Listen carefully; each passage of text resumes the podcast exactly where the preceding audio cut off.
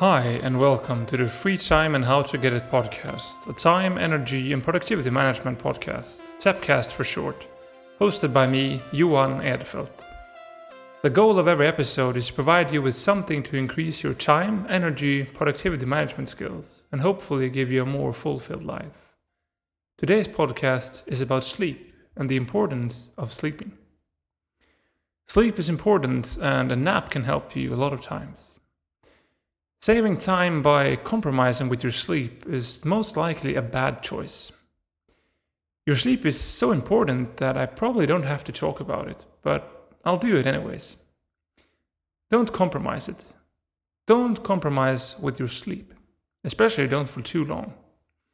Of course, you can survive on only a few hours of sleep for a couple of days, and yes, it's possible for you to wake up an hour or two earlier from time to time if you want.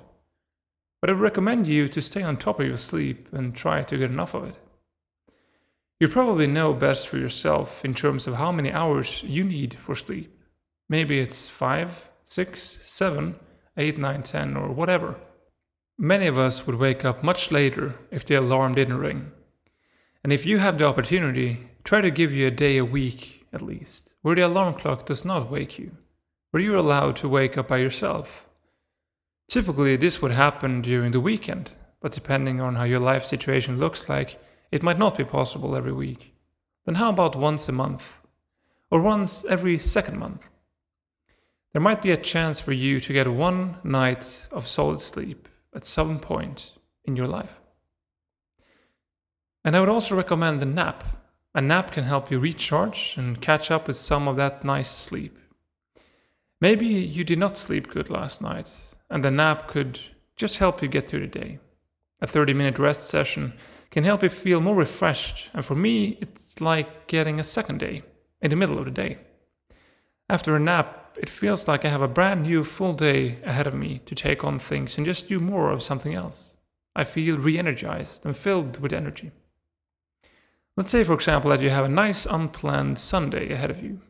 If you can try to set aside 30 to 60 minutes of time in the afternoon between, let's say, 1 and 3, in a cool and dark place, or why not just wear a sleep mask? That can do wonders for you and also your overall health and performance. Think of the nap as a deep breath. It's there to help you and your body get back on track. I could probably take a nap more or less every day, and even more than one nap per day. But it's difficult when you have a full time job and because it's not thought of as the norm. For some reason, napping is, for many people, equal to laziness and stacking off, which is really not the case, at least not how I see it. Napping is actually increasing your performance, strengthening your mood, and it benefits your overall alertness. Give it a try and you'll feel it. Going back in history, we can easily find many famous high performers that enjoyed a nice nap such as the classics Albert Einstein, Winston Churchill, and Thomas Edison.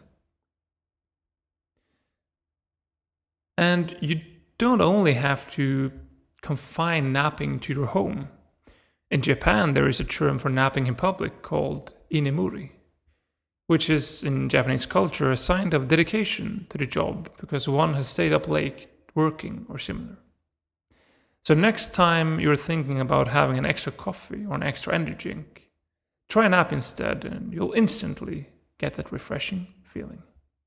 That concludes today's episode about sleep and the importance of sleeping tight.